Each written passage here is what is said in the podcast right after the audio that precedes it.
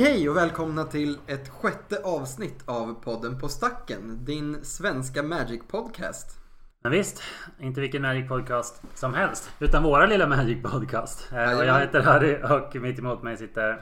Edvard Lundqvist som är här för att prata kort hela dagen. Det var ett litet tag sedan som vi hade ett avsnitt. Och vad, hur kan man förklara det? Kan en viss pandemi ha med saken att göra? Alltså det kommer bli en så spännande tidskapsel det här för, för kommande generationer som ska lyssna på den här podcasten damma av den så kommer det vara så här, ja, det, kommer, det var mitt i coronapandemin så levde de, kunde inte ens träffas som folk. Exakt, så är det. Men nu sitter vi faktiskt här och är lite ansvarslöst men uh, ack så tappert. Eh, på plats alltså. Vi hade ju goda ambitioner där kring att spela in på distans. Vi gjorde ett, eh, ett ordentligt försök, eller hur? Ja, typ tre ordentliga försök ärligt Okej, talat. okej, sure. Eh, Så vad vi gjorde var att vi försökte så gott vi kunde att spela in liksom på distans över olika sådana här, eh, eh, vad ska man säga, typ Discord och sånt. Eh, Mycket krångel, många jobbiga stunder för mig där det var så här, det här kanske kommer gå, det här kanske inte kommer gå, leta tekniska lösningar. Jag är väl liksom den lite så här, lite mer tekniskt intresserad av oss två. Men Japp. båda två är ju ganska svaga får man väl ändå säga. ja. Eh, Så det, det är nog en del av förklaringen. Men yes, vi har försökt spela in på distans och accepterat att det inte går. eh, Och kommit fram till att vi får bara helt enkelt träffas eh, och, och göra det. Så är det. Anmäl oss till Tegnell om ni vill, vi bryr oss inte. ja, precis. Nej men det, faktiskt, det, det kan verka oansvarigt men samtidigt, vi är båda ensamhushåll mer eller mindre. Alltså vi, det, är inte, det är inte så oansvarigt som det verkar faktiskt. Vi, vi har nog, både du och jag, ganska få som vi träffar i vårt, vårt lilla eh, coronaliv. Så är det. Det lät sorgligt när du sa det, men så är det. Och det är väl lite sorgligt också. Men något som inte är sorgligt, det är ju Magic. För Magic still going strong, eller hur? Och vi får faktiskt lira förhållandevis mycket trots det vi just beskrev, eller hur? Ja, ja absolut. Nej, men vi har ju varit väldigt eh, i framkant eller vad man ska säga och håller liksom i två Jag Deltar i typ två online-event i veckan liksom. Förutom att vi också har testat en del så här casual commander över spelltable och sånt och verkligen försökt att hitta sätt att spela på. Så på sätt och vis kanske man till och med spelat lika mycket eller mer än innan. I ditt fall mer. Ja, förmodligen. Och det där var ju en bra övergång till just vad vi brukar börja podden med, nämligen vad händer just nu i våra Magic-liv? Och du svarade ju lite på frågan, men du kan ju berätta lite mer tänker jag, vad vi håller på med. Jag tänkte bara innan vi gör det så ska jag passa på att tacka eh, ett par personer sådär. Eh, lite klädsamt. Eh, idag ska vi faktiskt börja med att tacka eh, Tobias som hjälper oss med tekniken inför varje avsnitt. Eh, vi klarar inte av att ladda upp dem själva utan han hjälper oss med vårt där eh, eh RSS-flödet som det kallas så man kan få upp den här eh, skiten på Spotify. Eh, så stort tack till dig Tobias för, för den hjälpen för det hade vi inte löst lika lätt annars. Eh, Jag ska också passa på att tacka Marcus och Nick eh, Eh, som gör våran eh, jingel. Marcus då, tack så jättemycket för det. Och Nick som fixar vårat omslag till podcasten. Riktigt nice. Ja, och sen har vi också fått hjälp att skaffa en eh, textlogo nu. Eh, Så vi har en, en en liten extra touch i våran logotyp på Facebook och eh, Instagram och även på eh, podden snart då på Spotify. Eh, och vem är det som har hjälpt oss med det Harry? Eh, Det är ingen mindre än den superduktiga och snälla Hampus Millby som också ni kan hitta på Instagram under Ember Artworks. Eh, Och eh, vi är jätteglada för det. Eh, Det är verkligen en perfekta pricken över i på vår redan lite retrocharmiga logotyp. Så att det är, ja, det är kalas. Vi kunde inte varit gladare. Nej visst. Nej och en lite så fun fact. Alla de här fyra personerna är ju folk som på ett eller annat sätt har kontakt med spelet. Eh, Det är inte någon av de här som inte liksom vi också har en Magic-koppling till. Utan, Mm. utan det är ju någonstans ändå i våran nördsfär som Ja, de här exakt, vän- vännerna exakt. existerar. Det är väldigt kul. Visst är det så. Nerds, nerds Unite. Nej men verkligen supersolidariskt och toppen bra. Men gött, som sagt, våra Magic-liv nu, digitala i största delen. Det har ju blivit så. Inte bara förstås. Det fortsätter väl liksom att man håller på och sorterar sina permar och byter och säljer som vanligt nästan. Ärligt talat för det sköts ju mycket över nätet numera. Det är Mm. inte bara i- liksom i, i butik längre. Mm. Ehm, så visst har det varit så. Ehm, men ja, i väldigt stor del så spelas det på distans nu. Ehm, så mycket webcam magic, mycket arena. Ehm, lite magic online.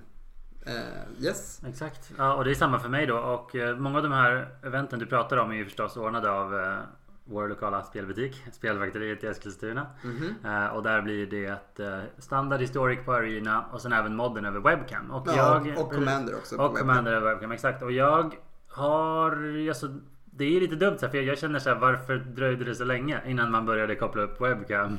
Alltså corona har ju härjat länge nu liksom. Mhm. Ändå så är det ju bara några veckor sedan som vi första gången eh, pulade fram lite, dammade av lite webcams och laddade ner appar som förvandlade mobilen till en webcam och byggde små ställningar och allt vad det var. Jajamän. Så vi har varit superhändiga hela gänget.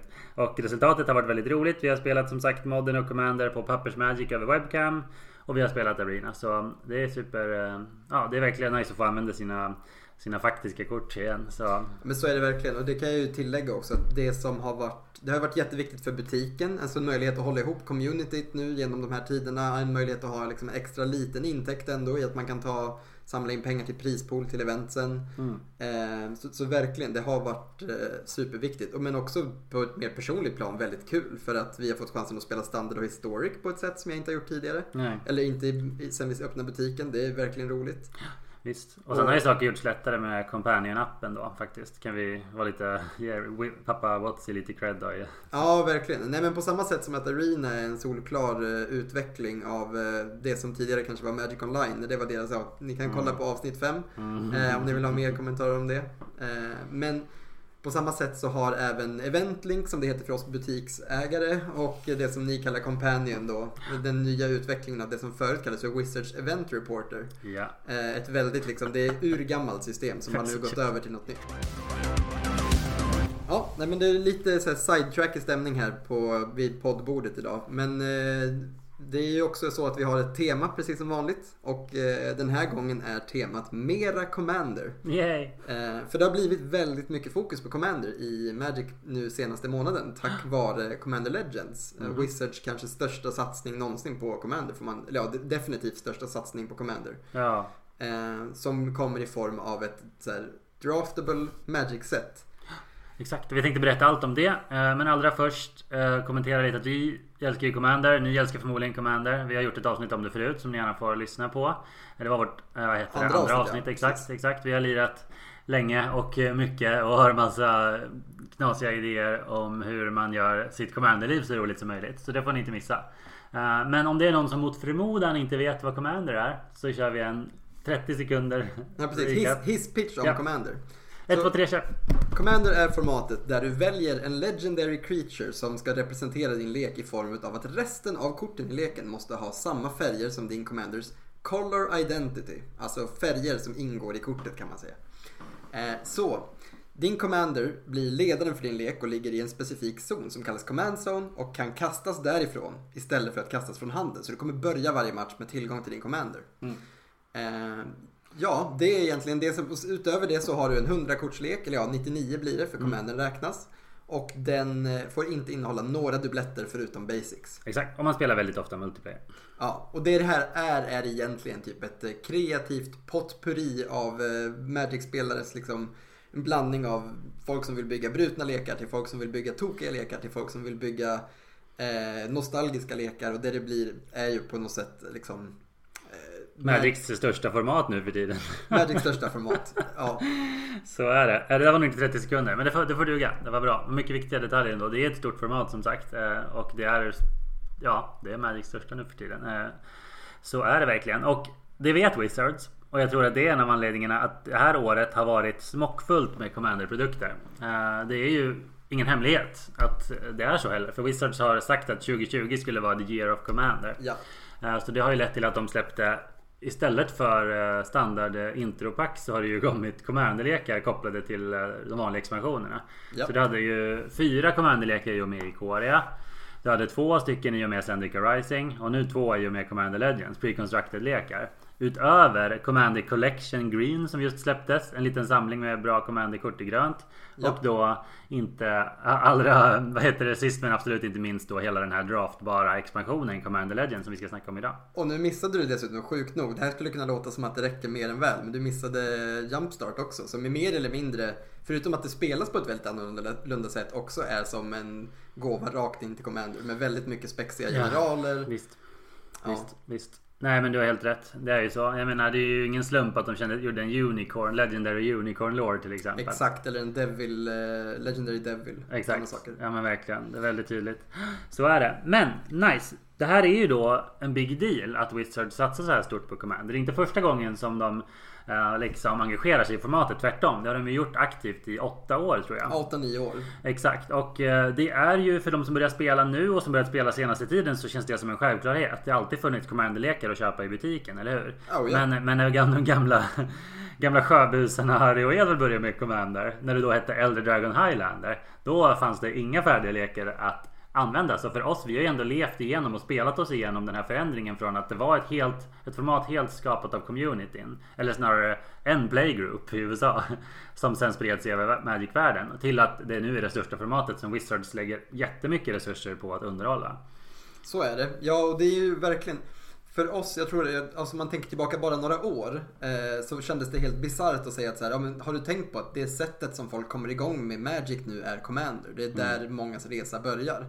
Tänk dig själv liksom att ja, men folk börjar med ett singleton 100 kortsformat med ett så här quirky, vad heter det, begränsningsgrej med din commander och allt sånt. Eh, Medan det mer eller mer börjar kännas helt självklart på något sätt nu att så här, ibland kan man känna lite typ när det kommer in en ny spelare eh, och man inser att så här, ja men shit ska den verkligen börja med commander? Man bara ja. Det ska den förmodligen göra för att det är där det finns mest utrymme för att göra sin grej. Mm. Eh, det är mest förlåtande mot nybörjare för du kan spela ganska dåligt och fortfarande vara med länge och ha kul. Ja, visst, visst. Eh, jag vet inte, det är verkligen, och också prisgrejen. Jag tycker det är en sjuk sak med Commander som man inte tänker på. Att visst, Commander kan vara väldigt dyrt. Men till skillnad från alla andra format så kan du ha otroligt kul och vara med, till och med vara med och tävla på en extremt låg budget. Verkligen. Bara baserat på att du är multiplayer. De andra spelarna kommer hantera varandra och du kanske bara sitter där och kivar till dig vinsten i slutändan. Visst, och jag menar du kan köpa någon av de här till exempel Sandika Rising eh, Commander Preconsen för typ 200 spänn. Och den är schysst. Alltså det är, det är rätt bra. Alltså, ja, den plus en jäkla massa bra uncommons så har du förmodligen en ganska stabil lek. Ja, det, ja. Så, det, så det, det, finns mycket som talar för formatet och det är ganska uppenbart tror jag för de flesta nu att vi lever i en tid där Wizards kommer fortsätta att satsa järnet på Commander. Ja, exakt. Jag tänker vi kan prata lite mer om hur den här förändringen har påverkat det och vad det finns kanske för för och nackdelar med det. Alltså att Wizards är så involverade liksom. Eh, jag kan ju kanske kan börja vara den nostalgiska eh, farbrorn. Om, Absolut. Ja, och säga så här att det är ju, det fanns ju någonting. Om vi nu går tillbaks way back to the old age of 2009 eller något sånt. Ja, eh, när jag och du och många andra började få nys om det här formatet. Det en stor del av dragplåstret för mig var det här med att så här, jag kan nu använda korten från min liksom, kortlåda. De här gamla drakar och demoner. Drakar och Demoner från vad heter det Gamla expansioner som bara legat och samlat damm som aldrig skulle se spel i standard Vem spelade Reaver Demon? Vem spelade Dragon Tyrant i standard eller extended? Ingen såklart Men i Commander så hade de äntligen ett hem ja, Alla ens gamla favoritkort För att inte tala om de fula gamla legenderna som låg i ens och som kanske inte ens hade sett spel när man faktiskt fick tag på dem för att många av dem är ganska dåliga men helt plötsligt öppnar den kanske upp en arketyp i Commander för att det bara fanns en handfull legender i den färgkombinationen Verkligen. och så vidare. Verkligen. Och just den där tanken om att här, gå igenom sin kortlåda och dra slutsatser själv. Och leta. Det fanns inga så här, jättesmidiga hemsidor heller som så här, EDH-rec. Där man kunde söka på en general och få massa goda exempel på vilka kort du borde spela med. Nej, visst. Då var det verkligen så här, du hittade en general du gillade, du gick igenom din låda, du gick igenom kompisarnas permar och du kollade på, i mitt fall, Svenska Magic. Du sökte på creature-typen. Och jag bara, jag bara, oh shit jag ska fan bygga Uh, vad vet jag, jag kanske ska bygga Cleric Tribal som en av våra kompisar gjorde. Mm. Så vi kan liksom gå in och så här, söka Creatures Cleric, gå igenom allting, välja ut själv, beställa dem och så vidare. Att, och just det här att, att det var hela Magics historia var din lekplats och liksom du satt där själv och bara byggde och testade liksom. Mm. Det fanns ändå någonting väldigt härligt med det. Uh, att just för själv hitta, är det här ett bra command-kort, är det inte? Nackdelen nu kan jag se med att Wizards är med är att det blir så tydliga pilar. Det är som att de pekar så här, det här är ett bra commanderkort. I vissa fall är de för att de är så löjligt pushade. Som typ Green Warden of Murasa i Zendika Rising. Ja, en sexmana tjockis som passar in perfekt i en av de mest populära temana i Commander. Landleken liksom. Ja och även i lekar som inte har det som tema så är det alltid bra att alltså, ja. göra bra saker med länder. Exakt. Och i vissa fall eh, kort som refererar direkt till Commanders. Det fanns ju inte när vi eh, vad heter det, började. Alltså alla de här korten som säger If you control a commander, gets plus plus plus if you, whenever you cast your commander och så vidare. och så vidare. Ja, precis. De sakerna är också så här, de skriker åt dig så här, det här ska spelas i commander och det kan inte spelas någon annanstans. Och Nej. den biten tar ju bort lite kreativitet för mig. Jag vet inte om du håller med men jag tycker ändå det känns som att det är någonstans här det blir mer strömlinjeformat. Det är som att man blir mer inträngd liksom i en specifik bana. Speciellt om du vill vinna. Sen och liksom så. Ja, men jag, jag tror att du har absolut en poäng att det, det, är, eh, det tar väl bort lite av den tidigare typ påtvingade charmen kanske. Men det du också får komma ihåg är att de har inte tagit bort möjligheten att göra quirk-saker. De har inte sagt att du måste spela de här korten. De har sagt att det här är kort som bör spelas i formatet. Men det är fortfarande upp till dig att göra det. Och det här tror jag är någonting som, alltså om man tänker, om ni lyssnar på vårt första avsnitt om Commander så kommer ni inse att vi har en ganska annorlunda inställning som är att du själv ofta måste liksom välja din väg i Commander. Så sure, du har rätt i att många av de här korten kanske borde spelas. Men i slutändan är det så här, av samma anledning som att jag inte spelar med Cyclonic Rift för att den är otroligt bra i Commander. Alltså en, en jättestark instant som, eh, jag, jag tänker inte säga vad den gör för då kanske folk kommer på att den är asbra om det finns några som fortfarande inte vet om det. Eh, men Eh, jag har ju valt att inte spela med den. På samma sätt kan jag ju alltid välja att inte göra det för att vara en positiv och liksom, eh, vad ska man säga? Eh, för mig då positiv kraft i, i, i metat på något sätt. I mitt lilla meta där jag väljer att hålla nere power level Visst. och göra min grej. Men jag håller med dig. Det, det blir starka, liksom, eh, de pekar med hela handen. Eh, de trycker väldigt starka kort i de här Commander eh, Anthology-produkterna, eller vad heter det? Commander... ja, preconsen Menar du inte pre- Du menar bara preconsen? Ja, Ja. exakt. Exakt. Eh, Exakt. Eh, Bara för att så här, verkligen visa precis vad vi menar. Några, några av de kanske värsta exemplen enligt oss är väl eh, de här kanske från Ikoria faktiskt. Som ett, en cycle med instant som du kan spela helt gratis om du har din commander. Varav den bästa är nog den blåa som kontrar en non Det är en typ. negate, en Ja. gratis negate om du har din commander ute. Ja, och i, speciellt om du spelar competitive. Det är så, det är så, alla som spelat Magic ett tag vet att gratiskontringen är så extremt bra. Eh, och det är alltså herregud, det, det är så jäkla bra. Eh, och eh, jag kan inte riktigt se många blåa commanders som inte borde spela den. Liksom. Ja men precis, men, men som sagt, jag tycker du har ju förstås rätt, alltså ur ett power level perspektiv. Men det blir ju på något sätt så här, ja, de kommer fortsätta, vi kommer få mer och mer bra kort som gör liksom att så här, ja men i den mest pushade varianten av din lek borde det vara med. Ja, men och att den gör någonstans- gamla kort obsoleta liksom. Precis. Vilket är väl också en del kanske av mitt problem. Att så här, gamla, du vet. Alltså det är väl nostalgi också. Så gamla mysgubbar bara. In, de, de bara du vet. You just don't cut it anymore. Nobody has time for old. liksom.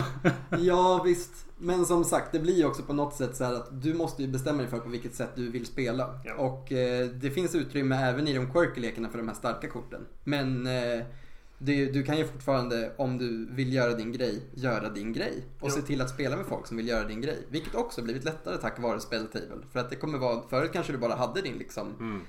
eh, CEDH-grupp att spela med och var tvungen att pusha power level. Men nu kanske det är dags för dig att bygga Cephalid EDHn och, och pusha den, den triben liksom. Jo, ex exakt. Och, det är väl det. Vi var säkert inne på det i vårt förra avsnitt också. Men jag tänker att det som gör att... Så här. Jag, jag, du kanske vill ta den här bollen. Jag vet att du någon annan gång har jämfört Commander Legends med Modern Horizons. Ja, alltså det här när det är som att pappa Wizard kommer med en jätteinjektion in i vårt format och skakar om det i grunden. Men jag tror att vi också är ganska överens om att eh, Commander Legends kanske gör någonstans mindre skada inom citationstecken. Och då ska vi inte, kanske inte vara för negativa. Vi kan också slänga in att jag tror både du och jag tyckte att Modern Horizons inte bara var dåligt. Alltså det fanns massa saker vi gillade. Ja, visst. Men, men, men, jag tror att de flesta kan vara överens om att när Modern Horizons, om man spelar det formatet då. När Modern Horizons kom så blev verkligen formatet omskakat i grunden. Det krävdes flera bands. Och många av Ja, ja. korten, många av korten som inte blev bannade ser massor av spel nu. Vi, vårt meta terroriseras av Soul Herder till exempel. Bara ett uncommon där i. Ja. Eh, vi, Eller, eller Ephemerate i samma lek. Ephemerate också därifrån. Den verkligen skapade den leken som är förvisso rätt cool men väldigt väldigt stark. Season Pyromancer ligger på 300 spänn och ser för, välförtjänt. Jag tyckte det På tal om tid. Ja just det och Force of Negation gjorde ju eh, plötsligt massor, alltså den, gjorde, den förändrade ju jättemycket. Ja precis. Jag hade ju faktiskt nöjet att i några turneringar få spela med den berömda Hogak-leken. Mm. Som alltså var en lek som nitade motståndare med en 8-8 runda 2. Liksom. Ibland gjorde den ännu mer brutna saker och kunde komba loss. De försökte banna den leken utan att banna Hogak först och leken levde vidare liksom för att det var bara helt sinnessjukt att milla sig själv, spela en Hogak, rund, alltså oftast runda 2 Ja. då blev det Ja. Och sen, ja, den, den leken var verkligen helt eh, busted. Eh, det var ju Modern. Horizons, Mm. det var ju Modern Horizons fel, liksom, att vi var tvungna att genomlida en period när det fanns flera lekar som bara var så här, ja den här leken är otroligt bäst. Och folk var tvungna att 70% spela, win ja, rate liksom. folk var tvungna att spela Leyland of the Void i main. Precis. För att kunna spela sina andra lekar. Och, men Modern Horizons var verkligen ett exempel på att så här, ja, det är svårt att designa 200 kort in i ett format utan att några, ganska många av dem bryter det formatet. Eh, vi skulle kunna droppa 10 kort till därifrån som verkligen har behövt alltså, hanteras på väldigt konstiga sätt. Antingen genom bans eller att folk har behövt ändra hur de spelar. Just. Men det som jag tycker är viktigt att komma ihåg då inför ett sätt som Commander Legends är att ett, Commander är ett singleton-format. Så även om ett busted-kort kommer, så kom, så, som kommer spelas i alla lekar, så kommer det inte dras alls i samma utsträckning. För att du har ett singleton 100-kortsformat dessutom. Exakt. Vi kan ju faktiskt nämna direkt att det här, precis den här diskussionen som vi gör nu eh, har ju också skett ganska aktivt online. Speciellt i reaktion på kortet Jewel Lotus. Just det. Vilket är, vi kan bara ta det som exempel för att det är ett kort, det är då om någon mot all förmodan har missat det.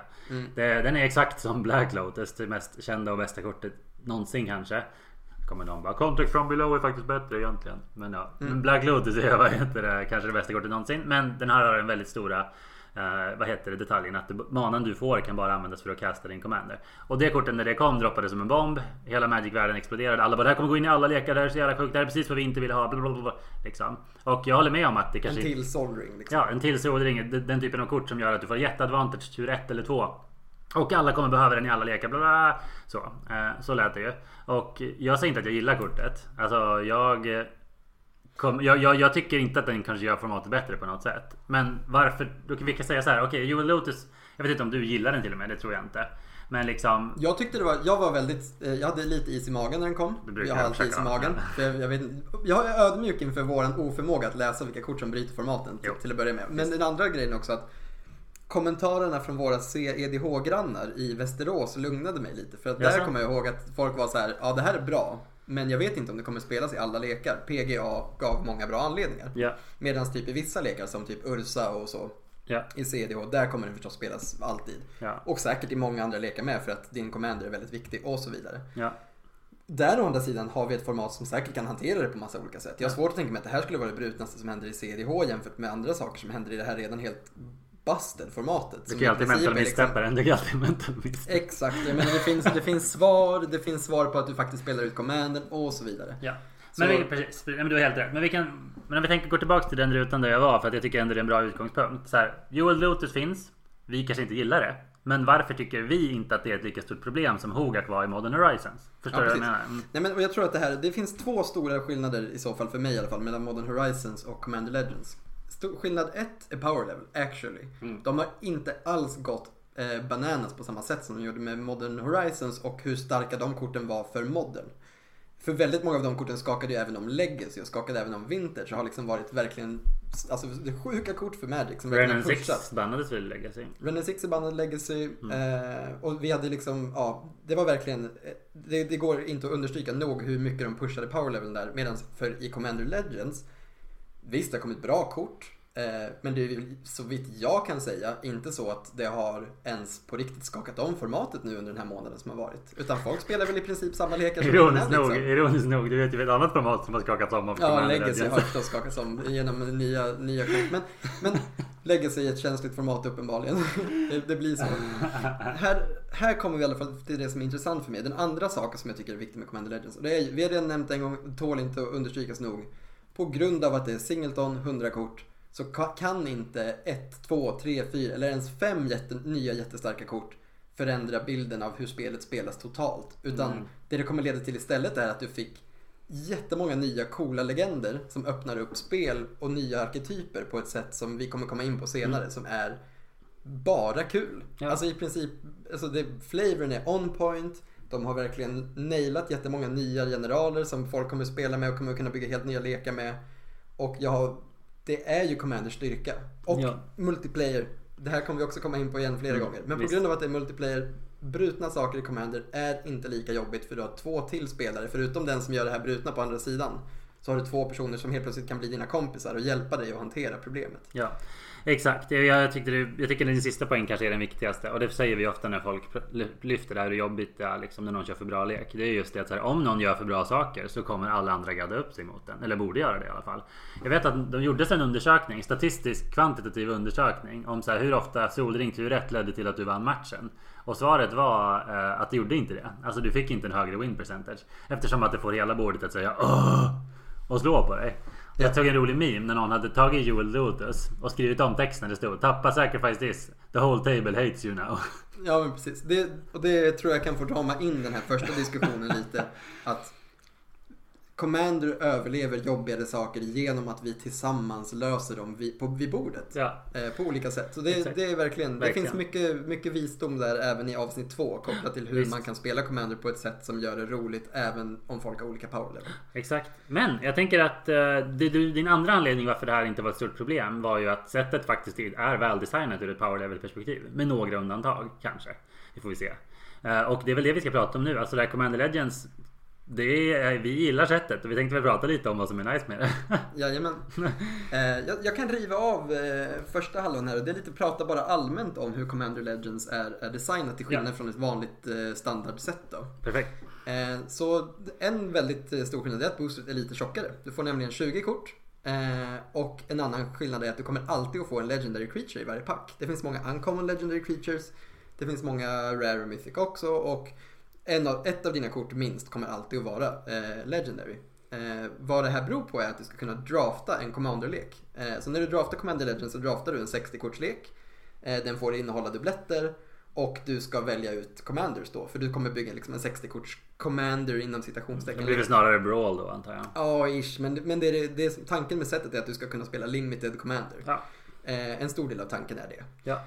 Eh, och ja, det är också en eh, intressant sak för de, de har liksom byggt in i sättet olika arketyper som är väldigt tydliga. Det finns creature type arketyper, det går att bygga artifacts, det går att bygga coola kombos faktiskt. Eh, så, så det är ett väldigt eh, väldesignat limited set verkar det som också. Nu har vi inte fått testa det supermycket men det lilla vi har testat har ändå känts som att det finns mycket saker man kan utforska.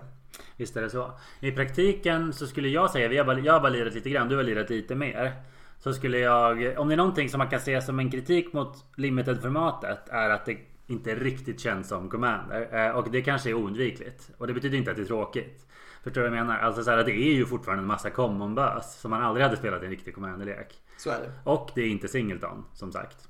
Eh, Så att det blir snarare tycker jag ibland att det känns som att man spelar Conspiracy om någon har draftat det. Ja, eller Battlebond. Alltså Ja, något, det blir ja. lite mer som de gamla wonky limited seten. Ja, vilket inte är något fel för att jag också nämnt det tror jag i podden att de sätten är asnice. Ja, ja visst. visst. Så Nej, det men det ser man ju verkligen fram emot. Så precis som med de sätten att om 3-4 år liksom knäcka en låda Commander Legends och köra en sån draft. För det är verkligen en rolig grej att här, gå tillbaka i tiden och ta något av deras eh, så här, sommarsätt som vi brukar kalla dem och bara drafta dem. Exakt, exakt. Nej, jag har varit, jag har varit sugen på att köpa Battlebond men ryggat tillbaks för att de redan har gått upp så mycket i pris liksom. Ja. Men jag köpte nyss en Conspiracy Take the Crowns låda så jag kanske tar en Battlebond snart också. Lägger Ja. på hyllan. Coolt.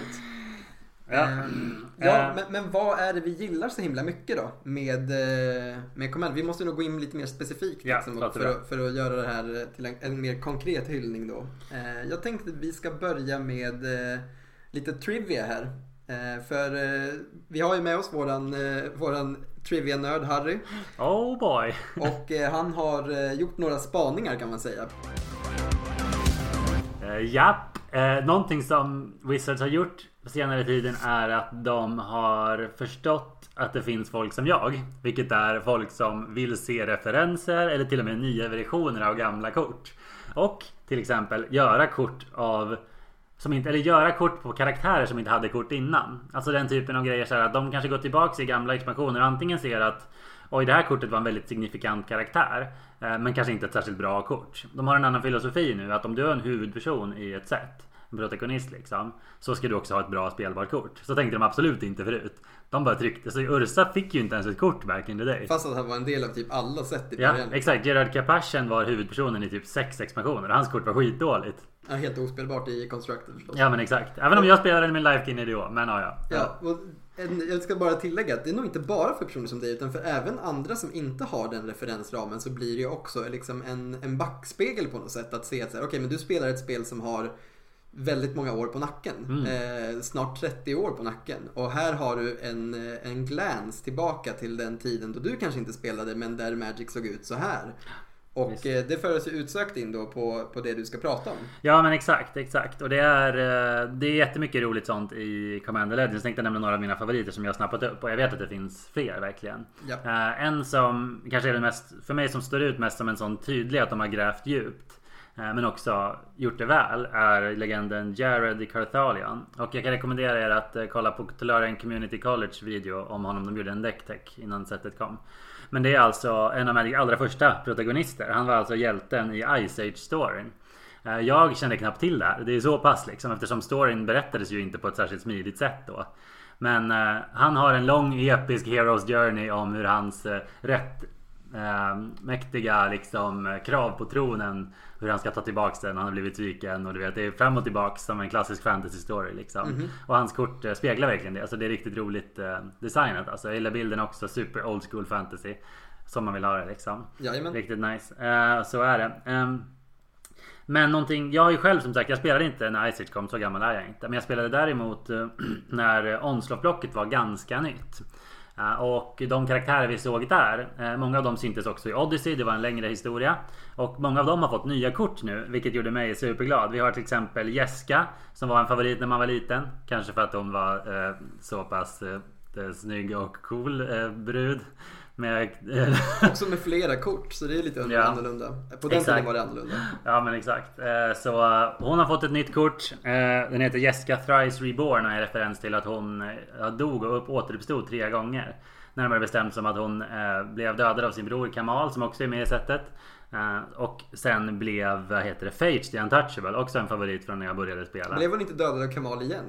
Uh, jo, eller snarare hon och Akroma uh, fusades ju och blev Corona the False God. Och det hade också Kamal något att göra med. Ja, och Mirari hade med det här att göra. Det är roligt. Som alltid. Durka som jobbar i kassan i vår spelbutik berättar för mig att det är Kamal tror jag som har dödat henne varje gång. Ja så kan det vara. Och hennes brorsa alltså. det, är alltså ja. det är ganska roligt. Ja så är det. Men hon är med, hon är cool. Akroma är också med. Apropå. Och jag gillar också att Akroma fått ett mer passande namn. Det här är alltså Akroma Angel of Wrath. En gammal fanfavorit. Men nu heter den Akroma Ixidars Dream tror jag. Vilket är en referens till hur, vem hon ens är i storyn. Hon är alltså den blåa trollkarlen Ixidars Eh, dröm made real. Alltså hans fru dog och han ballade ur. Och han typ släppte loss sina krafter och bland annat skapade på något vänster Akroma som en sån här hämnare. Mm. Som slogs för honom. Coolt. Ja, i alla fall. Eh, och sen Kamal själv då. Eh, nu han har alltid haft den gröna Kamal och den nya gröna Kamal är båda väldigt starka. Men det är nice att se honom igen. Han är en ja, men, väldigt viktig karaktär i storyn. En helt ny men också minst lika rolig referens eh, som jag tror att ganska få snappar upp är legend, den blågröna legenden Gor Muldrak, Amphinologist. Det här är alltså också från Commander då. Eh, han är en grönblå, jag tror han är en 3-2 för 3. Som säger att du och dina permanents har protection from salamanders. En rad jag aldrig trodde jag skulle se på ett kort. uh, exakt. Uh, och han skapar också salamandertuckens åt motståndarna.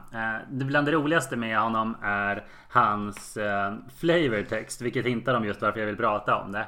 Där han refererar till att vad heter det? Amphibian invasion is coming. Go hide eller någonting sånt. Typ så här. People have ignored the threat of the amphibians for too long. Now they're here liksom. Ja. Och han är alltså en cryptologist. Och som säkert vissa av er vet, vad är, vad är en kryptozoolog? Jo, det är alltså en person som är besatt kanske man vill säga om man ska vara lite, lite negativt laddat. Vi kan säga intresserad av krypto, eh, kryptoider. Det man kan mm. kalla dem är väl mytologiska djur? Ja, mytologiska och folklordjur och så här den typen av djur som förmodligen, ja, man de flesta skulle säga inte finns på riktigt. Vi snackar Bigfoot, vi snackar vad heter Loch Ness monstret. Eh, och så Näbbdjur. Nej. ja men precis. Näbbdjuret skulle kunna vara en sån absolut längre fram när det bara finns några få kvar. Folk tror inte att de faktiskt fanns på riktigt. Ja, ja. Men exakt, ni fattar grejen. Eh, och, det blir nästa podcast. Exakt. Djur som inte borde finnas. Precis, det är väldigt... Så vi, kan, vi får starta en till podd, djurpodd. Ja, ja. Hur som helst. Eh, Gor Muldrak i alla fall. Eh, han, eh, hans grej är Amphibians. Vilket då jag tolkar som en referens till Reptilians. Eh, vilket är då ytterligare en konspiration om eh, reptilian, humanoida reptiler som styr världen underifrån i skuggorna. Eller hur va? Ja, Obama ja. och vad heter hon? Hillary Clinton. Ja men exakt, exakt. Så är det ju förstås. Eh, och det är som så att Wizards har varit väldigt roliga och de har refererat till det här tidigare. 2012 i M12 helt enkelt så såg vi eh, kortet Amfin Cutthroat. Det är en 2-4 Salamander Rogue för 4. Där Gor Muldrak skriver flavortexten. Han säger The Amphins have long built their society in secret. While surface dwellers squabbled over tribal borders, they patiently expanded, building their uh, Ammonite temple caves. Now Amphin priests eye the shore and Amphin hunters gird for war. Så nu kommer de, Amphins. Sen några år senare så fick vi Amphin Pathmage. Där också Gur Muldrak är med på flavortexten och säger There are those who do not believe in the existence of the Amfin och så vidare. Så vad det här betyder är alltså att de har hintat om den här hemska Amfin invasionen som ska ta över världen. Eh, och nu så går Muldrak har varnat oss för det här. Och det som gör det här så fruktansvärt roligt för mig är både att de här korten jag nämnde är skitdåliga commons från två olika coresets. Så att precis som med vanliga kryptozoologer, eller om någon sett South Park, precis som Al Gore pratar om Manbear Pig i de gamla avsnitten i alla fall, så pratar han om ett hot som ingen tror på. Eh, och det är inte så farligt heller här. Just South Park så, så de ju sen att han var farlig, men det är en annan grej. Så att helt enkelt, Gore Muldrak varnade oss för Salamanders och det var inte så farligt kanske. Nej, och det, det kan man ju säga, det är inte direkt ett pushat kort eller självaste Gor Muldrak. Men han är väldigt gullig och cool liksom. Det är, det är en snygg design och den här flavor-grejen är ju episk. Alltså det är verkligen som du säger, det är referenser som de har byggt på i åtta år. år. Är, och nu har de kommit burit frukt. Det är någon person i designteamet som är så jävla nöjd. Jag älskar det. En annan väldigt mycket mer straightforward referens är Toggo, Goblin Weaponsmith.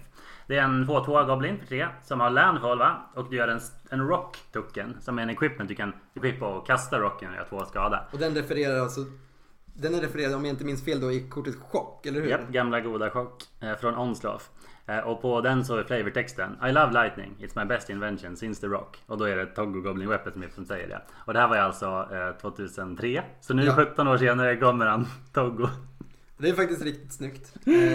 Exakt. En annan som många gillar är ju Hans Eriksson. Eh, den är du också lite koll på. Han är ju då eh, brorsa till eh, Safi Eriksson. Varav båda refereras på, du vet säkert? Jajamän, Lurgoif, den gamla klassiska det är en grön creature som är stor som antalet creatures i graveyards. Ja, från Ice Age tror jag. Och på, den har liksom den, den episka gamla flavortexten Ach Hans, run! It's the Lurgoif! Och sen vem som säger det? Jo, det är Safi som säger det. Exakt. Så i Times Spiral för många år sedan så såg vi Safi Eriksson, eh, Eriksdotter som ett kort. Och nu kommer Hans Eriksson, brorsan då. Så what can I say? Aha, även där flavor, build, mechanics. Ni får titta på den, det är on point. Full circle på något yep. sätt. Alltså, det är precis sådana detaljer som jag gillar mycket. Uh, Modern Horizons hade också sånt. Men jag skulle säga att de gått ytterligare ett steg längre här. Och det finns mycket mer. Ni kan ju själva kommentera sen om ni hittat någon, någon favorit. Uh, och vilka referenser ni kanske hoppas på till Commander Legends 2. För att det kommer ju garanterat. Jajamän. Ja, precis på samma sätt som vi vet att Modern Horizons 2 är på intåg nästa sommar med Rare Slot, Enemy Fetchlands och grejer. Mm. Så kan vi nästan anta då att sommaren efter det så kommer de trycka... Nu vet man inte, Wizards är inte lika låsta i, i, eh, i sån här, vad heter det? regelbundenhet som de har varit tidigare. Men det känns ändå troligt att det kommer komma ett Commander Legends 2 om två år. Yep. Så är det. Men vi snackar lite mer om Commander Legends tycker jag. Och någonting kanske mera eh, konstruktivt, mer än bara flummigt, är ju att helt enkelt prata om de kort vi faktiskt vill bygga lekar på. Eller hur? Ja, precis. Jag kan ju börja här, för jag tror jag har lite edge på det. Jag har spelat lite mer nu. Mm. Eh, jag, det började med att jag var med på en pre-release hemma. Jag hade turen att få kombinera eh, den här Kamal, eh, en riktigt, riktigt stark eh, grön eh, partnergeneral. Mm -hmm. som har sin, en, det som är mest relevant på honom är att han har en trigger ability som är att när du går in i combat så får alla dina creatures plus 3 plus 3 och trample. Så kombinerar du det här med någon general som kan göra tokens. Det finns till exempel en svart alv i Commander Legends. Den hade jag turen att få. Mm. När den dör så får du lika många eh, token som den har eh, power. Och när, tok- när Alver dör så får den en plus counter. Så den blir ju lätt stor efter att du spelat mm. den andra gången. Du kanske yeah. har liksom 8 till 10 Alver tokens. Alla de får plus 3 plus 3 och trample. Yeah. Du spelar limited commander så folk har inte så mycket svar. Nej. Eh, det som ska sägas dock, det här kanske låter brutet men man blir ju ett jäkla target när man har Kamal i sin eh, command zone och de andra har liksom dåliga uncommon generaler. Så jag mm. fick ju riktigt, jag förlorade ju. Och när Robert senare byggde med Kamal i samma pre-release så förlorade han. För man kan inte vinna när motståndarna vet att du bara, ah, du vinner nästa tur, vi dödar dig. Japp. Yep. Eh, riktigt starka synergier i alla fall. Ja. Eh, jag tror Kamal går att bygga ganska tråkiga lekar på faktiskt. Det där gröna ramplekar som gör mycket tokens. Eh, vi snackade lite tidigare om att man skulle kunna lägga in Tana Bloodsower som mm. när hon connectar gör tokens. Ja. Så det, det, finns verkligen öppningar för, för starka lekbyggen där. Minst sagt. Eh, en annan synergi som vi märkte när vi draftade lite på Magic Online häromveckan eh, var att eh, det finns två stycken pirater som har som, som triggered ability också. Att när en pirat gör damage, alltså inte combat damage utan damage till en motståndare så händer det någonting. Mm. Den röda, eh, Breaches, eh, Breaches Braxen Plunderer eh, Brazen Plunder. När, den gör att du får exila den spelarens toppkort Mm. och eh, så får du eh, spela det kortet until end of turn. Och den blåa, eh, Malcolm, eh, Keen-Eyed Navigator, säger att varje gång du gör skada till en motståndare får du en treasure. Så kombinerar du det här med typ enchantments eller equipments som kan göra liksom pingskada Mm. eller gubbar som är unblockable på olika Mm. sätt eller har bra evasion. Eh, eller eh, Lightning Rig Crew som bara tappar och skjuter alla motståndare på ett. Ja. Eh, som också är en pirat. Ja. Så får du väldigt, väldigt starka synergier med de här två Uncommon Partner-generalerna. Och det såg ju vi, det gick ju verkligen Mm. eh, bra. Det, var hårt faktiskt. Man, man drog snabbt iväg på resurser. Verkligen. Riktigt nice. Så där finns det, finns det två lekbyggen som jag, eftersom jag har korten, jag kommer nog bygga ihop dem i alla fall och testa att spela dem. Mm, varför Eh, inte? Och, och det här är bara jätte, alltså det här är bara början på exempel. Tänk liksom alla de här partnersen, hur många kombinationer det finns av olika generaler nu. Det börjar verkligen bli, det multipliceras snabbt liksom i, Visst, visst. Och som tur är så det här är ju precis sånt som jag tycker de gjorde bra med sättet att Watsy förstod ju hur bra partner är. Alltså det är verkligen så här att börja med ett nionde kort i starthanden är ju otroligt jäkla bra liksom. Ja. Eh, Och på CDO så är det ju de allra flesta spelar ju partners och de gamla från som var lite för bra multicolor partnerna. ja. Som Traxios till exempel. Eh, och eh, nu har de gjort mycket bättre. Alltså många av de här partnergeneralerna är inte alls pushade. Tvärtom.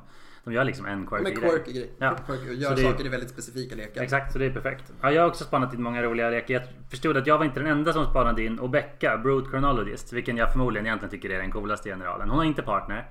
Hon är en Grixis general 3-4 för en generic och eh, Grixis, så rödblå svart. Eh, och hon säger tappa den spelare vars tur det är får avsluta turen. Och det är verkligen precis den typen av design jag gillar för det får en att tänka så här. Okej, när är det här bra? Och sen så kommer tankarna bara liksom. För det är verkligen massa exempel. Du har alla kort som säger så här dåliga Enters the Battlefields. Som min gamla favorit Eater of Days. Ja, 9 precis. 8 Trample Flying för 4 som skippar dina två nästa turer. Du spelar den men avslutar din tur innan abilityn resolvar. Eh, Och vad sägs om Lord of Treasurehorn 10-4 reg Men tyvärr så måste du offra massa saker när han kommer in Kan du avsluta? Eller vad sägs om alla de här sakerna som gör tucken som dör i slutet på rundan Som Splinter Twin och sånt Kan du behålla tuckerna Ehm, men det som är avlägset bäst är förmodligen att spela de här korten som Final Fortune. Ta en extra tur men du förlorar i slutet av den turen. Så du avslutar det med den triggen på stacken som sagt, det. det. var ju bara, inte bara jag som kom på den här idén. För att alla de Take an extra turn-korten har nu 10 dubblats i värde sen hon spoilades. Oops. Coolt. Eh, nej, det är verkligen, den är cool general. Den interagerar ju också med folk som försöker göra saker på motståndarnas turer. För Ja, det då det. om du har en sån här klassiskt jobbig eh, blå lek, eller det var oftast blå lek, som försöker spela spelsen under andras turer. eh, Så kan du ju säga att det, det behöver inte ens vara på din tur, det kan vara på en Nej, motståndares tur. exakt. Någon försöker liksom göra någonting innan deras nästa tur ska börja. Då säger du, ja men jag lägger Obekas ability på stacken, vill du avsluta din tur? Och så bara, ja, jo det vill jag ju för att förstöra för min motståndare. Japp. Och så kan du liksom hålla på. Så, så den är inte, ja, en ability som ser ganska konstig ut kan göra väldigt mycket saker faktiskt. Den är inte så situational som man tror. Nej, ascoolt ju. Jag gillar också Gen Arcanum Weaver. Det är alltså en Mardu, så rödvit svart för en 2-2 tror jag. Som säger Mardu, en rödvit svart, tappa, offra en enchantment, ta upp en enchantment från graven till spel. Så det här är alltså vår, definitivt vår första Mardu-general i- med enchantment-tema. Ja, Så jag menar tidigare har det kommit uh, grönblåvita bantgeneraler som har enchantment-tema. Känns logiskt. Det är grönvitt är ju enchantment-färgerna. har vi haft en Just del. det, Esper också. Det är, Mm. men, men grön, precis, vitt framförallt är ju enchantment-färgen. Men nu har vi alltså rödsvart med i bilden och det öppnar ju upp helt andra möjligheter. Eh, väldigt eh, cool. Jag ser fram emot att till exempel kunna offra så här Omen of the Dead eller Curse of Opalescence, så här billiga, hyfsat bra enchantments. Och sen ta upp jättetunga grejer. Som så här Overwhelming Splendor är väl det mest självklara. Den här 8 mana enchantmenten som verkligen skickar någon tillbaks i stenåldern. En curse. Den är hård. Eh, Captive Audience, eller varför inte Form of the Dragon, en gammal klassiker. Ja, just det. Den är det- lite mer risky business men... Ja. Ja. Så det låter asnice. Eh, en annan grej som slog mig när jag såg de här nya generalerna är att det nu finns support för att bygga monosvarta artefaktleken. Just det. Eh, och det här är lite typiskt hur jag tänker med lekar. Det är så här. Jag ser ett tema och tänker så här. Hur kan man göra det här så svårt som möjligt för en själv? Jag har ju den ökända Bant Dragon-leken till exempel. Den är vacker. Japp, så det är alltså en drak tribal lek fast den är varken röd eller svart. Så alla bra drakkort är inte med. Så då tänker man så här, okej hur ska jag få det här att funka? Eh, och det funkar inte jättebra men det går. Alltså så här, drakar är ändå bra liksom och det har kommit många schyssta så det funkar. Men samma sak tänker jag med artefakttema är ju hur bra som helst. Det finns otaliga bra artefakt i LEH-lekar.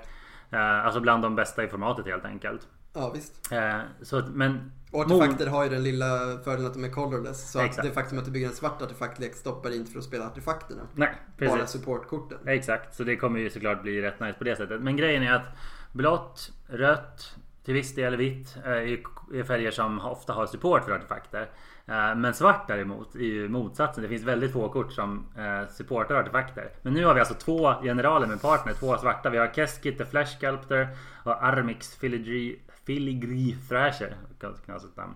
Båda är, kostar 3 och eh, jag orkar inte läsa upp båda. Men de är så här, gör halvschyssta artefaktgrejer. Den ena gör att du kan offra lite och dra kort och den andra kan döda gubbar. Och du, när du diskar artefakter och så vidare. Så ja, så här har vi det. Nu får man äntligen en anledning att spela de få svarta artefakt-supportkort som finns. Som till exempel Herald of Anguish och Marionette Master ifrån Kaladesh. Och gamla goingar från Mirrodin som Mori och Rigger. Eh, Vermiculus och igen då Reaver Demon som jag redan har nämnt. Magus of the Abyss. Och eh, om du är beredd att sprätta upp plånboken så kan du köpa Guardian Beast. Vet du vilken det är? Ingen aning faktiskt. Inte? Oj oj oj. Guardian Beast är alltså ett kort ifrån Arabian Nights eller Legends. Jag kommer fan inte ihåg. Men det är alltså, jag tror det är en 4 någon konstiga stats för 4 i svart. Som faktiskt säger att dina artefakter är indestructible. Så länge han är ute. Det är jättekonstigt. Ja, alltså innan, långt innan indestructible fanns. Så det är wordat på ett konstigt sätt. Men i praktiken så är det det han gör. Han, han ligger på 2 och 5 dock. Så jag vet, vi får se hur det går. Ja. Men ja, Coolt så kort. är det. Väldigt, eh, ja så monosvart artefaktleken. Om jag inte bygger den själv så utmanar jag någon av er att göra det för det är jävla lustigt.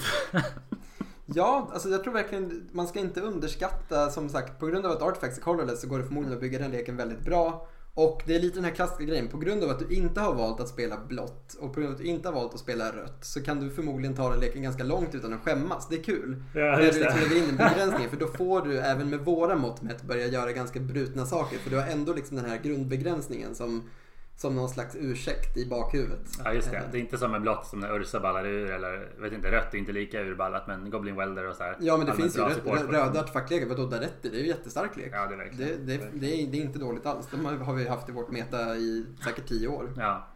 Röda artefaktlekar. Mm. Väldigt kul. Eh, och det här är som sagt bara början. Eh, vi vill jättegärna se era, era lekbyggen baserat på Commander Legends. Och vi hoppas att ni också har kommit igång och börjat brewa för här finns det en guldgruva. Så är det. Ja, well done overall. Sen får vi se om vi köper Jule Lotus. Jag skulle rösta på nej från vårt Jag håll. råkade ju faktiskt öppna en. Så jag vet Ja. inte om jag ska spela med den eller sälja den. Okej. Mm. Ehm, Just nu är det ju en del av min boxing League. Det har jag inte ens hunnit nämna i avsnittet. Men en sak vi har dragit igång hemma är att vi har öppnat, ett gäng som har öppnat varsin Commander Legends-låda. eh, Byggt varsin vanlig då 100-korts Commander-lek från den lådan. Mm. Och sen varje fredag i några veckor framöver så får vi köpa till sex boosters av valfri utgåva. Och lägga till till våran pool. Mm. Eh, så där har jag en, en bant eh, permanent-lek. Jag spelar nästan bara permanents på den här nya draken som säger att när en permanent kommer in i Ah. spel så får du... Permanent lek. Jag har aldrig hört den frasen förut. Eh, Får du reveala toppen om den delar en permanent type så helst skulle man spela bara creatures eller något sånt eller bara artifacts eller bara enchantments. Ja. Så det får jag titta på sen. Eh, Men just nu är det bara en ganska nice value-lek. Den, jag tror att den är bra, jag har inte hunnit spela med den än. Lägg märke till att du sa en Bunt Dragon. Oh, ja, jag har också en Bunt Dragon-lek nu antar jag. Ja, så den ska ju in i min lek i alla fall. Ja, det ska den definitivt. Du kan, du kan få den om när jag är klar med Boxing-ligan. Ja, Eh, Men låter Boxing bra. League vill jag också bara innan. Eh, vet du vad?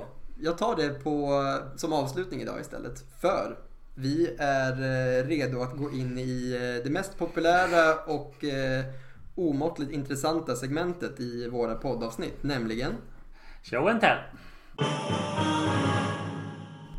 Vi har kommit fram till ändplatsen för våra avsnitt och eh, vi är jätteglada att vi haft dig med så här länge. Eh, vi ser fram emot som sagt att ta del av era, era Commander Legends projekt. Men nu ska ni få ta del av våra quirky tankar om Magic. Exakt. Eh, återigen så tar jag eh, och börjar. Eh, jag började nyss prata lite om Boxing League, ett format som, eh, som introducerades för mig via en av Magics lead designers, Gavin. Eh, som bara passade på att göra reklam för en idé. Så. Eh, och Boxing League är ett format som är att spelarna börjar med varsin display. Egentligen då ska det vara en standardlegal display för sättet utgår ifrån standardsätt. Mm. Eh, och då ska du välja vilken standard... Ett, ett sätt som har varit standardlegalt är grundregeln. Ja. Eh, rippa en låda, välj en legend, bygg en commander-lek på den. Mm. En vecka senare, köp till sex boosters som också är från ett standardlegalt sätt. Måste inte vara samma. Eh, jo, jo, det ska vara sex från samma egentligen. Då. Vi, vi har brutit reglerna lite nu först. Eftersom vi började med Commander Legends som har en annan power level än standard. Så har vi sagt att det är okej att köpa vilka boosters som helst nu. Så du får köpa Mystery boosters, du får köpa Commander Legends boosters. Ryssa Eh, Saga. Eh, har vi inte i butiken och i det här fallet måste boostersna vara från butiken då för att vi arrangerar det. Eh, jag skulle nog kunna ge ett undantag om du ville rippa sex Ursa Saga boosters till det här bara för att det vore så himla sjukt och dumt. Eh, man måste stötta dumma saker. Eh, men Boxing League är ju, alltså för folk som, för mig så är, finns det lite en sorg i när folk bara köper en låda och rippar den för att det är ju ändå ett spel. Man kan drafta med korten, man kan eh, göra massa roliga saker med boosters som inte bara är att rippa dem och kolla vad du fick för kort. Mm. Och det är ju också ett sätt för dig att få ut mer värde. För att när du öppnar en display är det ju inte säkert att du kommer få tillbaka det du har investerat. Vilket Magic-spelare ändå alltid drömmer om när de öppnar en låda. Sure. Så då om, ökar du, i alla fall enligt mig, värdet genom att på något sätt spela med dem. För då har du fått en spelupplevelse också för dina pengar som i sig är värd någonting. Ja. Även om den kanske inte har ett andrahandsvärde på en marknad så har den ett värde för dig som spelare. Visst, visst. Och då, min dröm är ju då att vi skulle kunna ha så inför varje standardset som släpps. Ah. Att man har liksom istället, alla som alltid köper en display. Ja. Men köp den som en boxing League. Mm. Om du vill får du sälja korten, då kan du inte spela med dem längre. Visst. Men du öppnar din display, bygger en lek och sen under liksom första månaden i det standardsättet så har vi boxing League igång och sitter och spelar Commander tillsammans med våra lådor. Och det tycker jag låter som ett sjukt roligt sätt att, eh, att öppna kort på. Jämfört med att bara öppna, lägga in i pärmen, börja sälja. Just det. Ja nej men absolut. Alltså verkligen. Och precis som du säger. Framförallt om du är någon sån som ändå gillar att rippa lådor. Alltså som brukar göra det. Ja, eller om du är en sån som kanske inte gör det och det här blir en motivation för dig att göra det. För, för, oss, nu, alltså för oss som butik är ju köpandet av, av boosters jätteviktigt för att vi Det ska överleva och för Det att, för att ni ska ha platser att spela på. Mm. Så det kan ju vara ett sätt att motivera dem som tänker att nej men det är faktiskt för svårt att få value för att köpa en display och öppna den. Mm. Men att vi då erbjuder en extra upplevelse i det kan ju vara en motivation för folk. Och för mig till exempel som inte heller brukar köpa displayer är det Visst. definitivt det. Ja ja ja. Eh, Så jag är jättetaggad på det här. Jag ser fram emot, jag ser redan, även fast vi knappt är klara med den här, ser jag redan fram emot Kaldheim eh, Boxing League för att testa det här konceptet. För jag Just tycker det. känns som ett, ett sjukt kul sätt att spela limited på. Men ni har lirat något game med det nya? Några? Ja, jo, men några av spelarna har kommit igång sådär. Mm. Eh, vi blev lite färre än vad vi hoppades på. Jag tror vi är åtta stycken i den här Boxing Just League. det, just det. Men det är, det är Eh, fine ändå. Åtta är runt, runt och bra. Ja, men då kan man spela en Commander-podd i veckan borde man kunna få ihop och det känns ändå kul. Eh, jag, som sagt, det, jag, det roligaste med det är ju att jag kan ju bygga liksom sju lekar till med min podd. Jaså, Eh, ja, för att man har ju generalerna, du har färgerna, det Ja, går liksom. jo, sen det går, sen ja. är det lätt att du hittar något som du är mer intresserad av. Men Ja, och vad som är bra förstås. ja, jag tror till och med Robert byggde en lek som han har rivit redan. Han byggde Elves men den blev liksom för bra. Nej. Så han, han eh, kände att han behövde byta ner sig. Han har byggt någon slags monoröd aggro nu istället. Det låter just likt. Jajamän. Ja, gött. Ja, just det. Eh, ja, nice. Jag kan nämna att jag eh, har spelat en del Historic på MTG Arena. Jag fastnade för den här monobruna som jag kallar det. Jag vet inte om det är bara jag som gör det. Men den här alltså mo- mono-artefakter, bara colorless länder. För att kunna spela med den helt galna eh, Forsaken Monument. Just det. Eh, Den är ju... Sen snackar vi att pusha en arketyp. Den är från Zendika Rising, ni kanske har sett den. Eh, dubblar all mana från colorless, eller du får en extra för colorless länder. Och manastenar. Ja. Och colorless creatures får plus 2 plus 2. Och du får två liv när du spelar colorless kort. Och den kostar 5 då, legendary. Helt galen och om du får tappa upp med den kan du ofta kasta Ugin eller Ulamog och vinna. Ja, så kul är det. Eh, så den har jag lirat och när jag byggde den så visste jag inte att den var en hög, hög tier-lek. Men det är det ju faktiskt. Den är riktigt bra. Ja, absolut. Det är en topplek. Japp. Eh, för några dagar sedan så byggde jag en till historic-lek eh, och det är monröd kontroll. Eller vad jag gillar att kalla det, skrädd. För några år sedan så körde jag skrädd i modden, vilket är en av mina favoritlekar of all time. Den håller inte riktigt måttet längre. Den är bara inte riktigt bra nog. Eh, men det är alltså en monoröd kontrolllek som spelar eh, Scred, vilket är ett kort från Cold Snap. En instant för en röd. Som skjuter så mycket som du har Snow permanent till en creature. Så det är en jättebra removal. Alltså en röd för att skjuta 4, 5, 6 och så vidare. Så det är nice. Tyvärr finns inte Scred eller Snow Covereds på Arena. Men jag och andra eh, tänkte, fast det kanske går att bygga typ den samma feeling ish. Ja, nu när Kaladesh kom in och eh, den bästa Chandran blev en grej i Historic Exakt, så öppnade exakt. väl det upp intresset liksom. Exakt och jag skulle säga att det mest avgörande är att vi har två stycken två mana manastenar. Vilket är rätt sjukt och kanske too much. Jag märker att väldigt många spelar med dem. Mindstone och Guardian Idol. Ja. Eh, Så den här leken jag spelar kör ju, eller båda mina lekar kör åtta manastenar för två. Vilket gör att du får spela ett 4 tur 3 och det är jäkligt bra on the play. Till exempel Chandra, Torch of Defiance tur 3 on the play. Det Ta bort det största hotet och sen börja ge value. Liksom. Ja, Eller börja ge value om du inte har något hot. Exakt, och så så det är en lek som spelar med också förstås Bonecrusher Giant, Glorybringer och så vidare. Också den här Tectonic Giant från Ja, eh, och Theros? Beyond Death. Ja, Rekindling Phoenix ja. ja. Så alla de tyngsta, tyngsta röda lirarna helt enkelt. Så det är Ja. super. Det är väldigt roligt. Leken är nog inte till rätt direkt men den vinner en del hittills.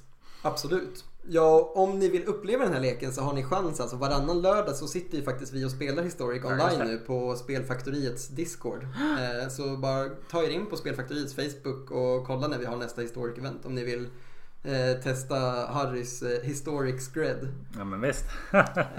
Det blir nice. Vi håller tummarna för det. Scredless Scred får vi väl kalla den. Ja, det låter bra. Vi säger så. Good shit. Men då Ja. så. Då får vi väl avrunda då för den här gången. Verkligen, alltså det har varit kul att komma igång igen. Eh, det är förstås eh, tråkigt att det har dröjt en hel månad med ett avsnitt, är lite längre än vad vi har tänkt oss. Samtidigt eh, tror jag inte någon, alla förstår omständigheterna så på så vis är det så. Men vi, vi vill väldigt gärna att ni ska kunna ta del av våran nördiga poddar. Och hoppas att det här avsnittet har varit uppskattat. Men visst. Vi hade kul i alla fall. Så hörs vi helt enkelt snart igen. Det gör vi, tack så jättemycket. Verkligen. Lira lugnt och säkert.